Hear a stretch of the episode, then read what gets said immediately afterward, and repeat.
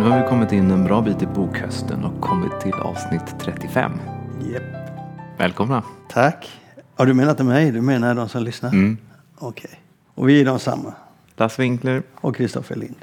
Nu kör vi.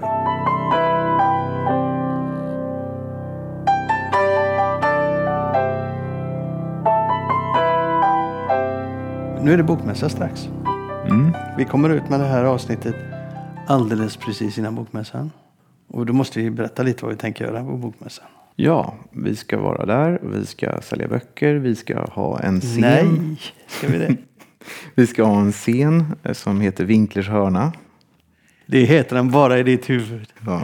Det är Lind Companys eh, författarscen. Mm.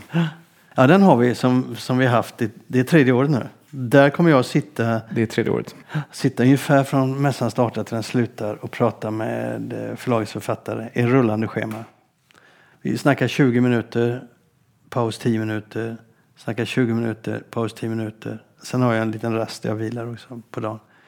Men eh, det låter ju lite korkat. Det låter som det var ett löpande band. Men jag är väldigt väl förberedd. Har jag varit i alla fall de senaste åren. Otroligt förberedd, Ja. överambitiös nästan. Säger du ja. Men om jag inte var så förberedd så hade jag inte kunnat hålla samtalen så olika som jag gör. Inte bara det, du och jag ska också försöka ha, återigen försöka ha två samtal som ska vara poddsamtal. Och nu har, ska vi ha en väldigt, väldigt, väldigt eh, liten teknik. Alltså, Ja, vi försökte ju förra året på Bokmässan men tekniken höll inte riktigt. Men när vi ska göra om det här nu med ny teknik så ska vi se om inte det går. Ehm, vad förväntar du dig av bokmässan annars? jag vet inte, vi har en ny monter i år. Som, eh, vi har samma läge, vi har ett ganska centralt läge. Vi ligger mitt emellan Bonnier och Norstedts.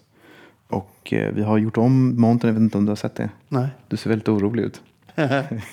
Vi har flyttat lite på din scen, det var väl okej. Vi drog ner lite, det var så mycket plats också. Vi måste ha mer utrymme för att sälja böcker.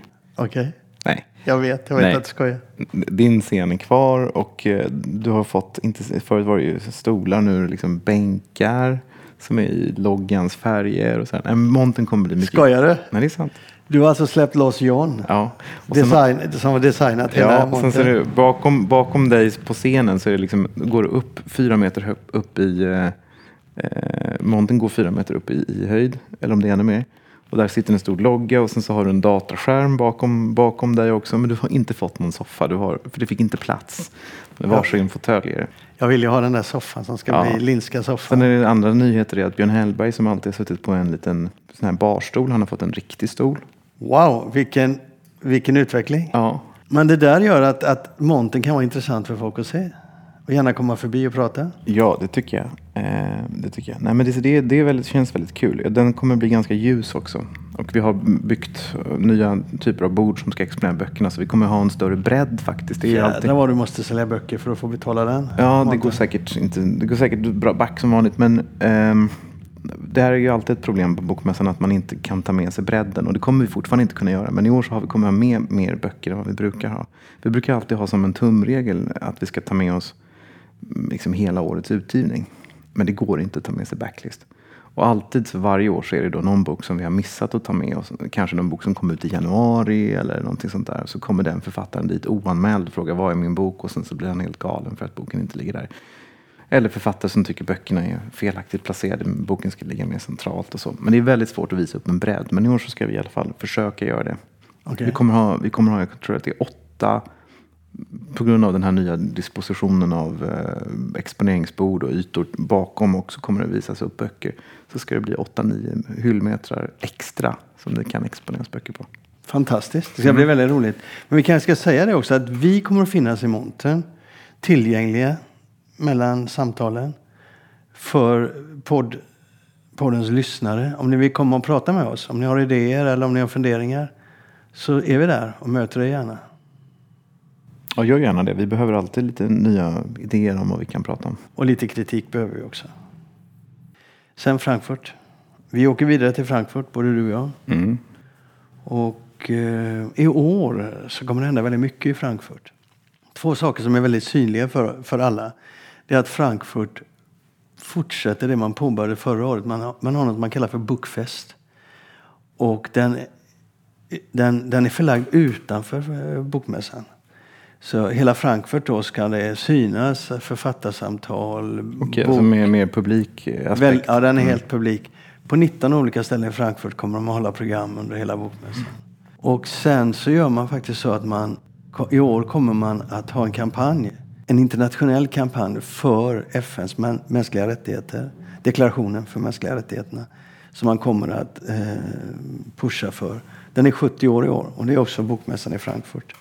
Men det där är en fråga som kommer att få en stor, stor spännvidd med mycket program och mycket uppmärksamhet på Frankfurt bokmässa. Och det tror jag har att göra med vad som händer internationellt och vad som hände på Frankfurt förra året, de här konflikterna vi pratade om. Och inte minst nu det här som hände i Chemnitz, eller Chemnitz vad det heter. De här högerextrema gruppernas eh, attacker på gatorna i Chemnitz som fick så stor effekt och så, så stor uppmärksamhet. Ehm, jag tror att vi kommer få se mycket mer sånt i Frankfurt. Men Frankfurt själva, bokmässan, väljer ju att fokusera på det positiva.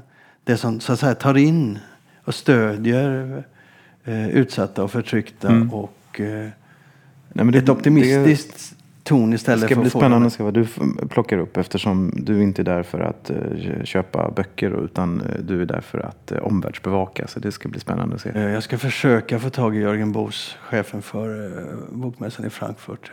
Jag tror att han blev oerhört besviken på att bokmässan i Göteborg bytte linje. Så att säga. Ja, det sa han ju i intervjun. Ja. Men jag menar, jag, jag, jag, jag förstår det. Jag förstår ju bokmässan i Göteborg också. Att de inte klarade att eh, gå vidare för då hade den nästan troligtvis gått under. Va? Men, men eh, det där är ju Sverige. Men internationellt då så tror jag att det kommer smälla till ännu mer.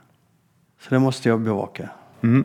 Så vi, ni kommer att höra från oss i Frankfurt också.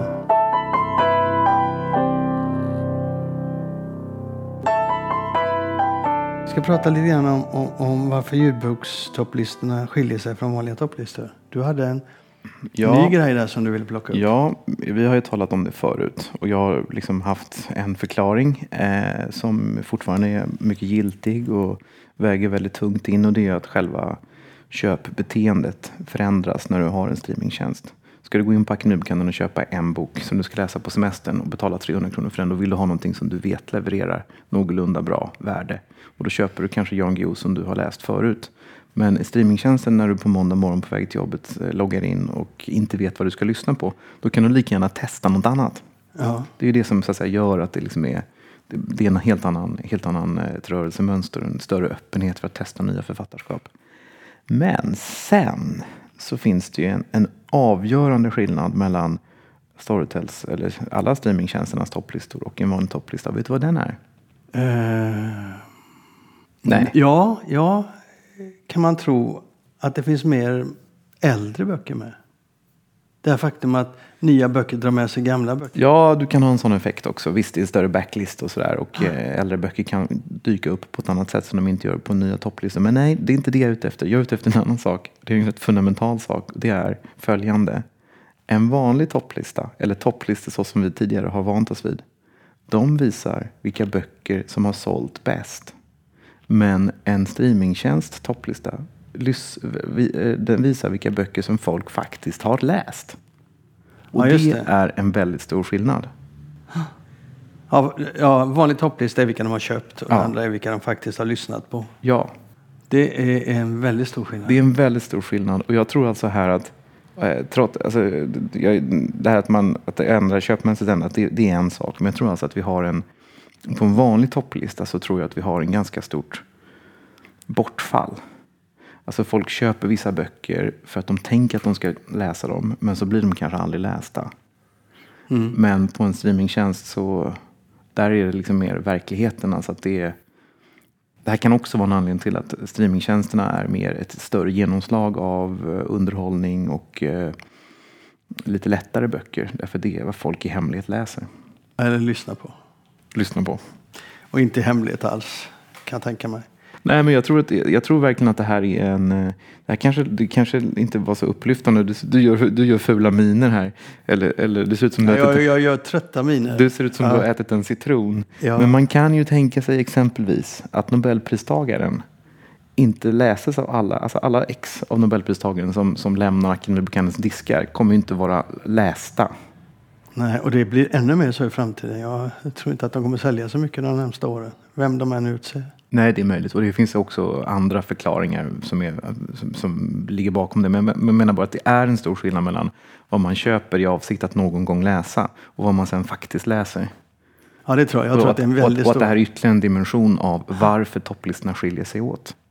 Visst var det rätt ja, intressant? ja, det är faktiskt. Bara kom att tänka på den då, att så här Ja. är det ju. Ja.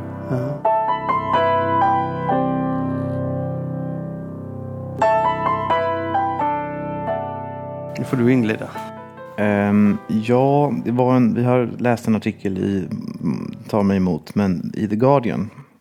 Det tar dig emot att läsa Guardian. Tar mig emot, ja, att erkänna det. Ja. Ja, jag i- gillar ju The Guardian. Ja, men det är en utmärkt tidning, men jag är så trött på svenska journalister som den enda utländska tidningen de läser är The Guardian. Men vi läser ju faktiskt andra tidningar också. Du menar DNs kultur, eh, Exakt, kulturredaktioner läser bara Guardian? exakt. Jag Inte tror bara- de läser New York inte, Times Inte också. bara DN, DN Kultur. Jag skulle säga att om svenska journalister, i synnerhet kulturjournalister, läser en utländsk tidning så, är det, så kan du liksom med 90 procents sannolikhet säga att det är The Guardian. Eh, och det är en utmärkt tidning, det är en jättebra tidning, tidning men den ger ju också en, en bild av, Mm. av ett land. Bara som ett exempel så kan jag säga att jag, när jag var i England i som, somras, nej det här var faktiskt inte i somras, det här var ganska nyligen, så, hade, var, så var det en artikel i The Daily Telegraph som handlade om eh, den handlade om att Brexit kommer inte bli så illa som ni tror. Och, och The Daily Telegraph kan jag då säga det är en väldigt konservativ tidning. Den brukar man kalla för The Daily Torygraph. Och eh, är inte en lika bra tidning som, som The Guardian. De har sällan de stora skopen och grävande reportagen. Men det är också en tidning som förmedlar en annan verklighet. Och det var en stor, stort reportage om det kommer inte bli så illa med Brexit. Här är allt som, som, eh, som eh, Remainers påstod skulle hända om vi gick med, om vi, om vi röstade för att lämna ut. Och ingenting har hänt. Och så gick de igenom punkt efter punkt. Ekonomin kommer rasa ihop, räntan kommer dra iväg, eh, valutan kommer krascha. Eh, Bankerna kommer flytta. Och så går- gick de igenom punkt för punkt. Vad har hänt? Och på varje punkt kunde man konstatera att ah, det har inte hänt så mycket.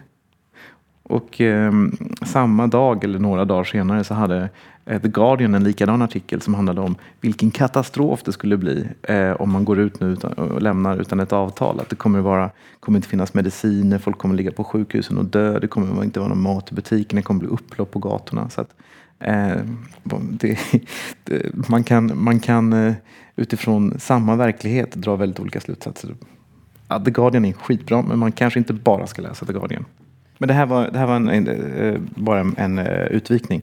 Eh, den här artikeln som du skickade, den var intressant för den handlade, den handlade om skimreading, alltså att skumläsa. Och den handlar om vad som händer när vi skumläser och hur det förändrar vårt läsande och vad vi, vad vi liksom lyckas ta in. Mm. Den, var, den, den var en amerikansk eh, skribent som jobbade med dyslektiker och så. Som tog upp det. Och det där fick man att tänka eh, på skillnaden. För tesen i artikeln var ju den att när du läser på nätet så blir det en plattare läsning. Alltså det, du, det, reflektionen blir inte så djup och bearbetningen av texten blir inte så djup. Och skimreading då, alltså att bara ögna över, eh, som, man, som man, många gör då, eh, snabbläser, ger också en väldigt, väldigt konstig bild utav, eh, utav vad man läser eftersom man då väldigt lite reflektion, väldigt lite bearbetning. Och där fick man att tänka på hur jag läser. Jag har ju, jag tror vi har tagit upp det någon gång tidigare, så här, jag märker ju faktiskt att läsande på skärm, och jag läser väldigt mycket på skärm. Jag läser tidningar, mycket tidningar, mycket artiklar och skriver och arbetar på skärm. Ger mig en eh, sämre kom ihåg, eller vad man ska kalla det. Jag märker att min, även, även när jag reflekterar över det jag läser och bearbetar det jag läser, så märker jag att på något sätt så är det en väldig skillnad mot när jag läser på papper.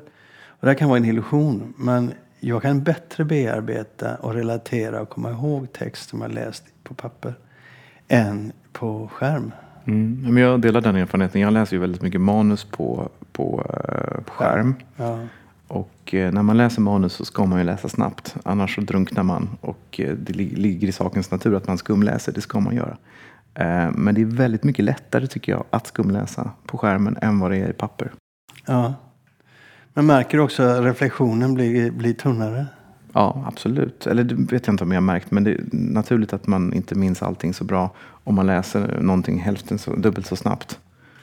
Nej, men jag, jag, jag tänker att med samma villkor, på samma sätt, så blir det ändå så att jag eh, tar in det sämre när jag läser på skärm. Och jag märker också att jag, eh, när det gäller böcker, så jag, jag har ju tre, pad, tre, tre stycken dedikerade läsplattor. Och jag har en av de absolut bästa läsplattorna som finns. Storytel Reader? Nej, Amazon senaste. Jättebra. Och jag har kanske 60-70 böcker olästa på, mm. på, som är böcker. Men jag har svårt att gå in i det. Fantastiska böcker som jag liksom har köpt den vägen. Men jag, jag vet inte vad det är. Jag, eh, får jag välja? Jag ska koppla av papper alla gånger. Det kan ju vara fördomar, absolut. Men det är ändå intressant för man märker mer och mer sådana artiklar kommer. Det kan också vara... Eh, eh det Jag vara tror så. också att de i den här artikeln hänvisade till eh, en undersökning de hade gjort med studenter som hade fått läsa. Eh, det var en grupp som hade fått läsa en text på papper och så var det en grupp som hade fått läsa dem digitalt. Och gruppen som hade läst dem på papper kom då ihåg detaljer på ett helt annat sätt och kunde, kunde redogöra för, för texten på ett mycket mer utförligt och detaljerat vis än de som hade läst den digitalt. Det här är kanske eh, forskning som tilltalar oss. Vi vet ju inte hur djupt det är. Vi har ju inte tillräckligt med kunskaper egentligen. Men byggt på våra egna erfarenheter så, så är det lätt att ta till sig det där.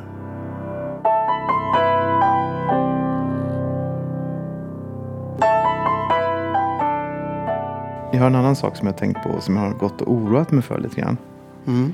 Ehm, och det är Bokberget. Och när jag säger Bokberget då tror du att vi talar om det här berget av böcker som förlagen sitter på. Men jag talar inte om det. Jag talar om Bokberget som du sitter på. Ja, det är ett bekymmer. Ja, för att när du dör och det kommer ta lång, lång, lång, lång, lång tid. Då kommer inte dina barn vilja ha de där böckerna kvar.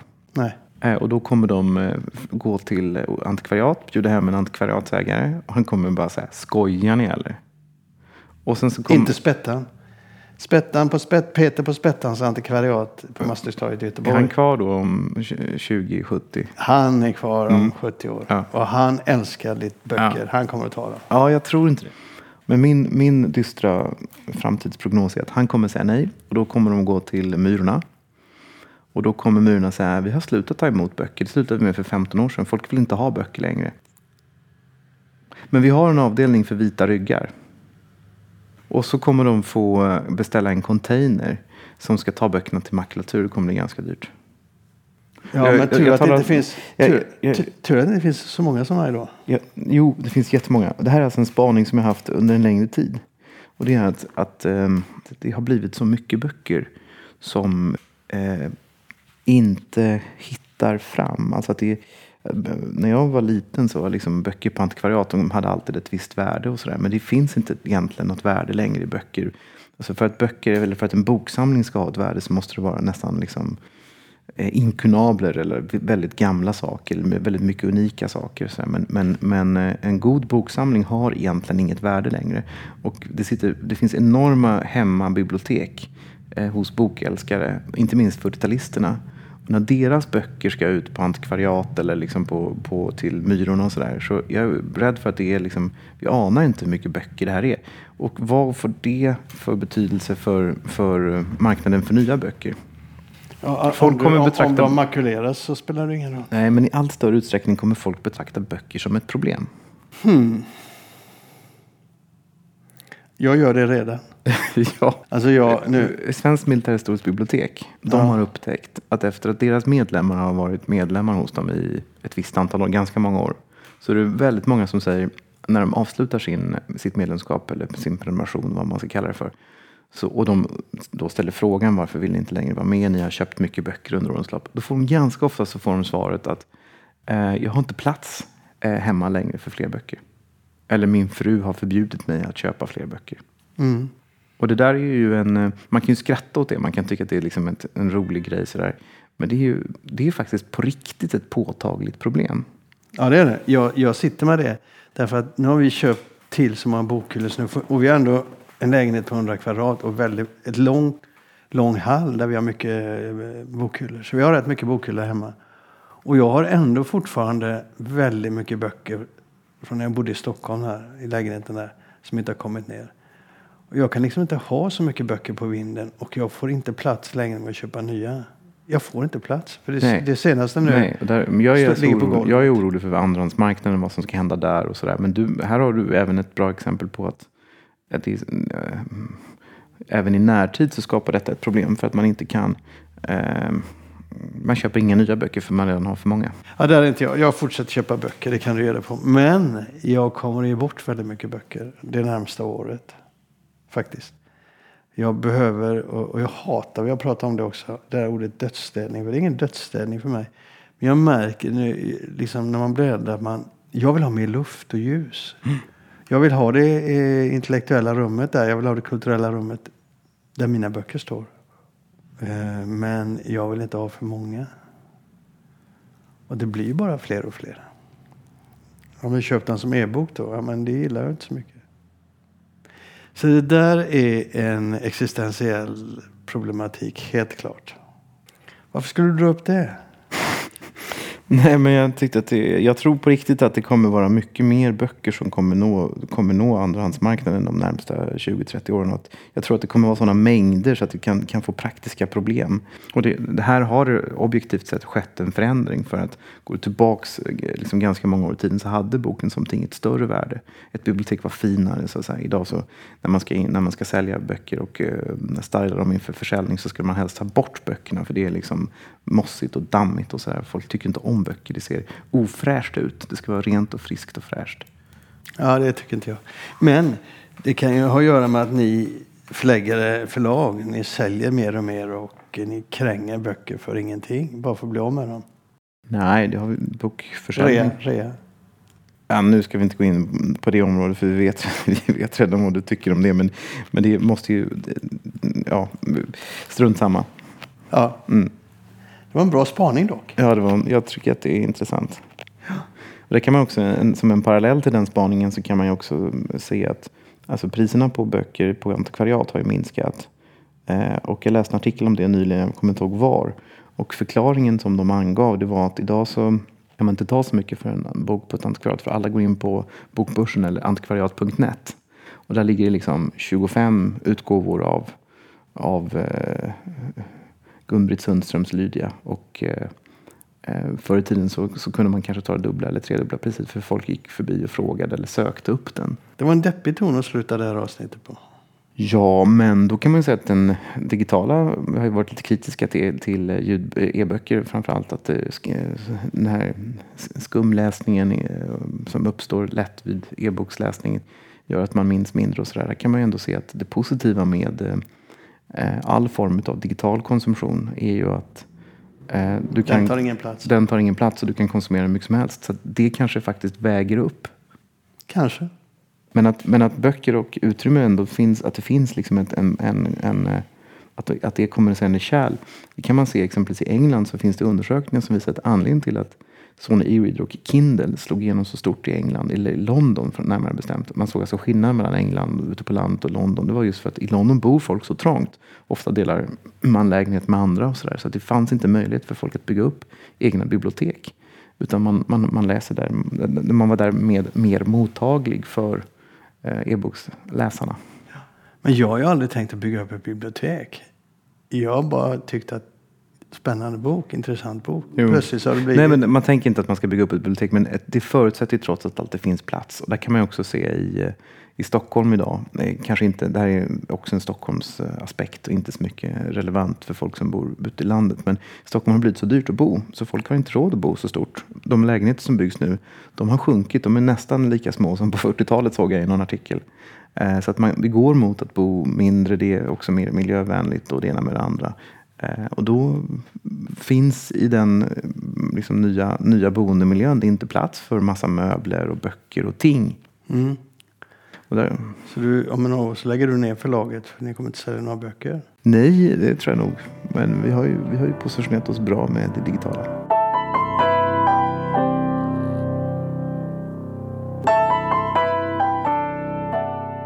I somras så var jag eh, på, som jag berättade tidigare, på sommarställe.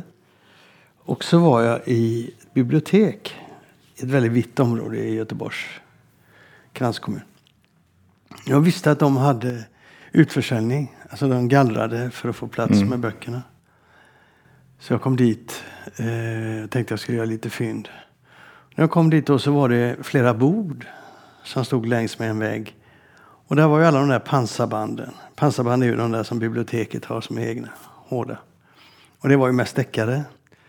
Och eh, jag köpte, och det är, ju, det är ju verkligen slitage, sånt som man inte kan ha kvar längre. Så. Jag köpte några böcker jag tänkte jag kunde lägga i sommarhuset där jag var då, så, så folk kunde få några bra deckare. Men så visste jag att bakom, inne på förrådet, så hade de mer böcker. Och där stod de intressanta böckerna. Så jag sa det till en bibliotekarie. Ja, sa hon och så visade de mig in. Var en hel vägg full med böcker där. Som också skulle säljas? Eller? Som också skulle gallras ut. Och då pratar vi inte om pansarband. Utan då pratar vi om böcker. Pansarband i de här förlagsbanden i röda och gröna starka färger som luktar lite plast. Ja, de där hårda som är lite, lite Räfflade. räfflade ja.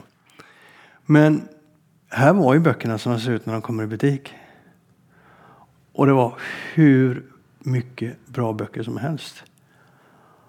Så jag tänkte det att får jag gå loss här? Hon, hon pekade och jag gick in genom dörren och hon gick. Och då var det fem kronor per bok eller tio kronor per påse. Och jag fick lätt in tio, Oj. jag fick lätt in tio böcker i en påse. När jag var klar så hade jag 98 böcker. Tänkte jag kan inte betala 100 spänn för dem. Ja, Jag kan få betala 500, men det fick jag inte. Jag fick betala 200 och det var ändå ett rån. Men det som gjorde mig sorgsen det var att det var så fantastiska böcker som jag plockade där. Och när jag tittar på dem så är 90 procent av dem är då böcker från Kulturrådet. Alltså de böckerna som har fått stöd från Kulturrådet. Och de här var från 2016, någon var från Jag 2015. kan förklara det för de läsare som inte hänger med. Det är alltså så att det finns ett statligt litteraturstöd. Ja. Och sen rätt många år tillbaka så eh, det, statliga litteraturstödet är ett efterhandsstöd i syfte att eh, främja mångfald och bredd. Och eh, man kan söka det per titel i efterhand och sen ganska många år tillbaka så är det så att de titlar som får stöd köper man också in i 275 exemplar. Nej, 389. Ja, det är så många. Till halva F-priset. Och så Mm. skickar man ut dem till alla landets folkbibliotek eller någonting sånt. Men här rensar de ut dem för att de inte lästes.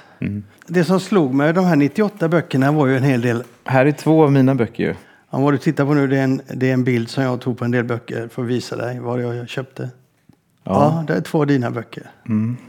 Men det som är intressant då när jag, när jag, när jag såg Men de de här... här är ju inte ens, alltså de här är ju, de här är ju inte ens inplastade. De här kan ju inte ens ha varit utlånade. Nej, De här, de här skickar de, de har inte ens försökt låna ut de här ju. det kan vara så. Vad då kan vara så? Man ser ju, men det här är ju helt oskadade böcker. De har inte ens, de har inte ens blivit fransiga uppe på skyddsomslaget. och De är inte inplastade. Nej, Det här är ju böcker som de inte ens har. Kolla. ja, jag vet. Jag Helt vet, jag nya vet. böcker. Och, Det är helt nya böcker. Mina böcker så är det Mirka Lappalainens bok om Gustav II Adolf som heter Det nordiska lejonet om Gustav II Adolf och Finland. En av de bästa böcker om svenskt 1600-tal som har skrivits. Den vann Finlandiapriset. Ehm, och sen så är det Edin Giovannis bok om, eh, om Syrien som heter Morgonen de kom för att hämta oss. Ett lysande reportage om Syrien. Och sen är det min, en av mina absoluta favoritförfattare där. Det är alltså Nuruddin Faraz. Eh, eh, eh, Modernista har gett ut fyra böcker av honom. Och alla de fyra fanns då på, på den här, eh, de här hyllorna. Kartor, hemligheter, gåvor och dolda i det fullt synliga. Och så tre stycken Loba Antunes böcker. Och eh, en som jag tycker var väldigt spännande. Det var en Epix, alltså en eh, tecknad. Lilian Thuram. Eh, en eh, Mm. Väl, svart kille väl ett från Guadeloupe. Det här är väl ett bra exempel på eh, Låt mig bara säga. Mm. Svart kille från Guadeloupe som spelade fotboll i Frankrike och vann VM med Frankrike.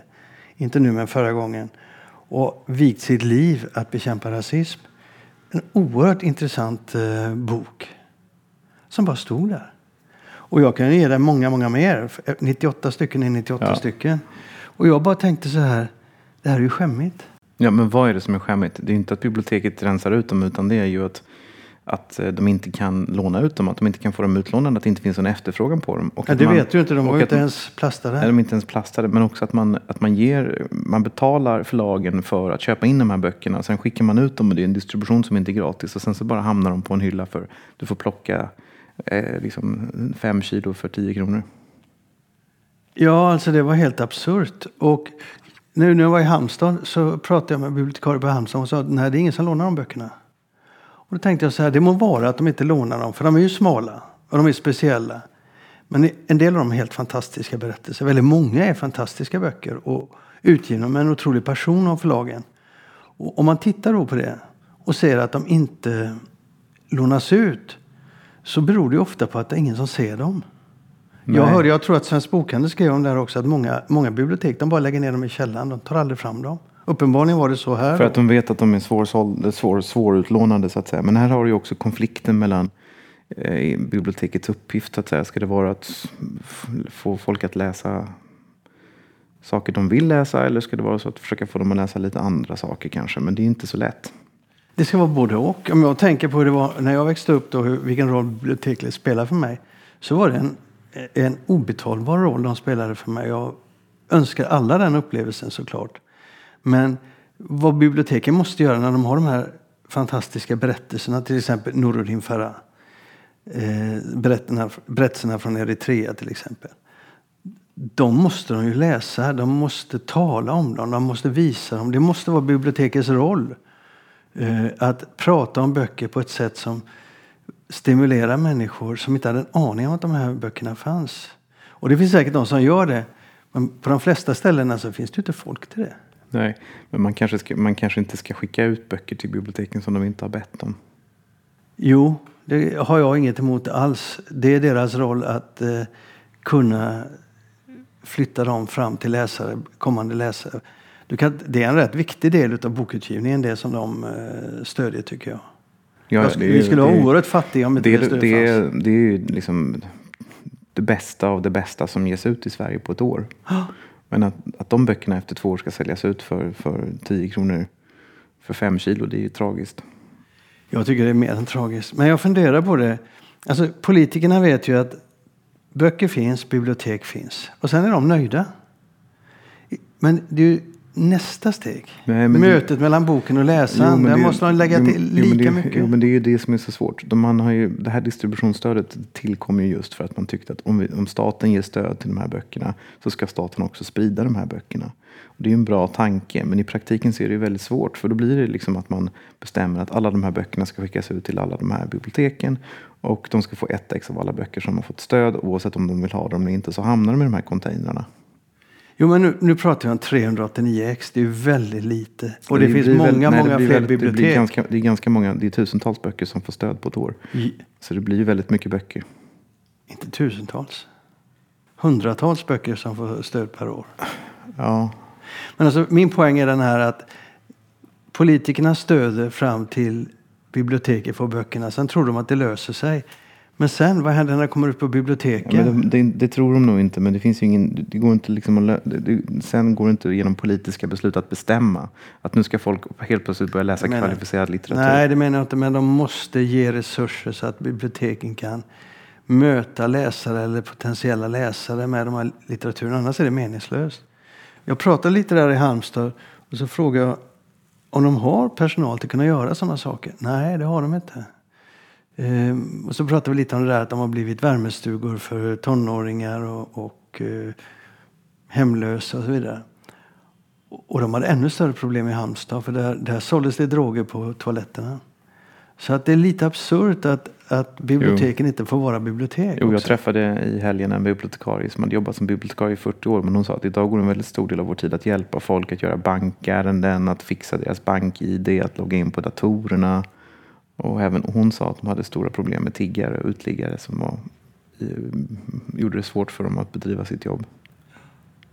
Och då kanske inte på, högst upp på listan ligger, om man har, om man, om man, om man, om man har sådana problem, praktiska problem på ett bibliotek, så kanske lite mycket begärt att man ska kunna låna ut de här kvalificerade böckerna som kommer från Kulturrådet. Ja, Alltså jag, det är visst. Jag, jag anser att man ska ta tag i det. Man måste sätta till mer resurser till biblioteken. Men inte det din grundlösning på alla problem? Det är att tillsätta mer resurser.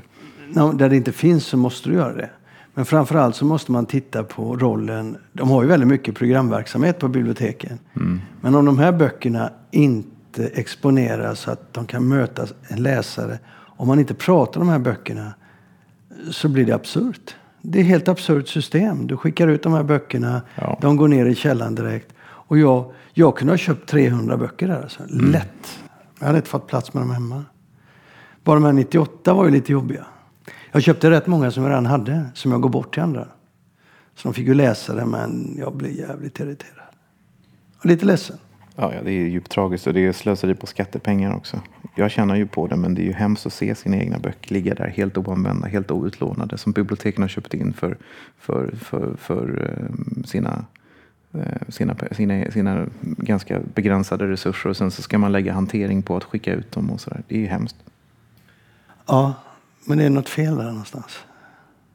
Ja, men vi har olika syn på det. Jag tycker inte man ska skicka ut böcker som biblioteken inte vill ha. De har uppenbarligen, om man inte ens kan eh, se till så att det inte säljs droger på, på bibliotekens toaletter, då kanske man ska lägga, sänka ribban lite grann. Nej, det tycker jag du har fel. De här 389 biblioteken av, vadå, flera tusen bibliotek i Sverige ska kunna klara av den här uppgiften. Och de här böckerna behöver synas i det offentliga. De behöver hitta sina läsare. Det, Jag tycker kanske man skulle ta de pengarna och lägga mer på. Jag tycker ju, det har jag haft som tanke länge, att man borde ta bort hela litteraturstödet och lägga pengarna på öronmärkta budgetar för inköp av, eh, av böcker till skolbiblioteken. och du menar skolbiblioteken som det är lag på men som inte finns? Mm.